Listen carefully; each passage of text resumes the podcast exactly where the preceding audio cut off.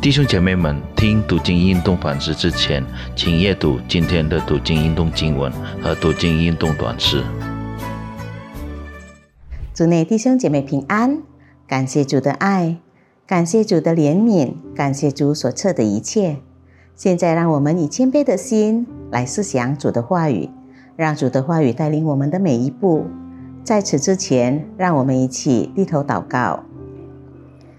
慈爱的天父，我们满心感谢你，让我们有机会来思想你的话语。求主赐给我们聪明智慧。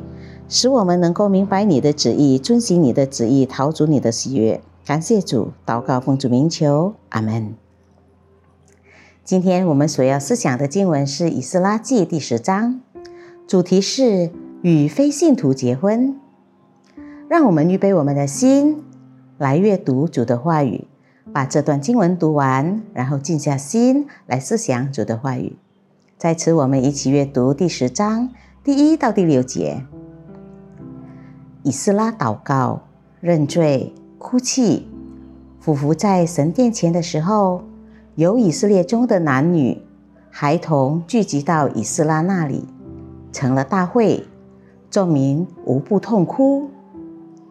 这属以兰的子孙耶歇的儿子释迦尼对以斯拉说：“我们在此地娶了外邦女子为妻。”干犯了我们的神，然而以色列人还有指望。现在当与我们的神立约，休这一切的妻，离绝他们所生的，照着我主和那因神命令战经之人所议定的，按律法而行。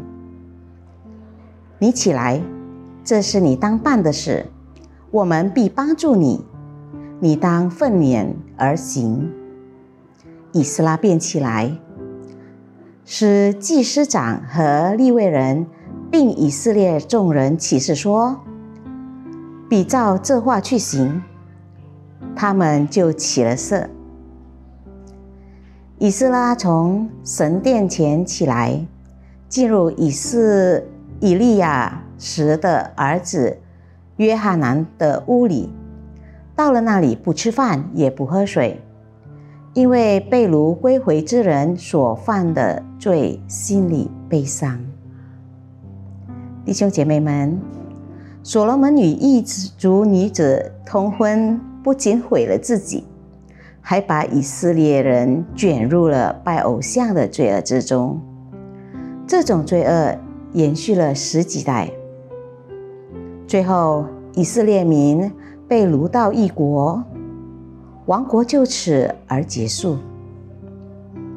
以色列的北国被掳到亚述，而南国或犹大国则被掳到巴比伦。不幸的是，《以斯拉记》第十章告诉我们，尽管从巴比伦归回不久，其中的一些人民又重蹈覆辙，陷入了同样的罪中。这种情况让以斯拉非常悲伤。进食祷告后，以斯拉召集众民，谴责那些娶异族女子的以色列民。根据以斯拉的建议和众领袖的议定，那些与外邦人通婚的，必须将其异族之妻和儿女驱逐。这个事实表明。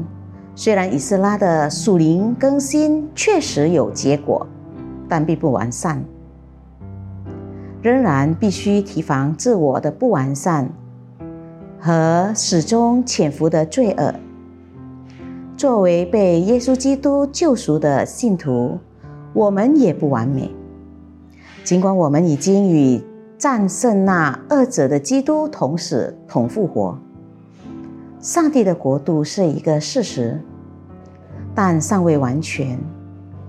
我们仍然要面对各种挣扎与罪对抗，同时也要对我们四周的各种诱惑保持警惕，其中包括与非信徒结婚的问题。以斯拉记第十章中关于驱逐不幸的妻子的记载，不应作为现今信徒与不信主的配偶离婚的依据。使徒保罗劝勉信徒不要立即与不信的配偶离婚，因为不信的丈夫可以被信的妻子称为圣洁，而不信的妻子也可以被信的丈夫称为圣洁。我们可以确信，在我们的软弱中，总是有上帝的恩典。如果你的配偶不信主耶稣，您。是否以恳切的祷告，让您的配偶敞开心门，相信主耶稣呢？请谨记，在我们死之前，在主耶稣第二次再来之前，世人还有悔改的机会。我们一起低头祷告，亲爱的主耶稣，我们满心感谢你。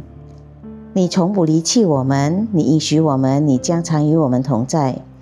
主啊，求你帮助我们，使我们都能够有一颗谦卑的心，愿意顺服的心，使我们都能够成为你的祝福管，你祝福的管道。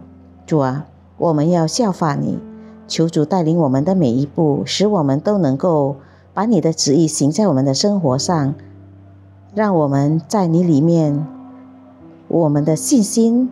日益增长，并且我们的一生、我们的言行举止都能为主发光、荣耀主名。感谢主，祷告奉主耶稣基督圣名祈求，阿门。主内弟兄姐妹再见，愿主耶稣的爱与平安常与我们同在，阿门。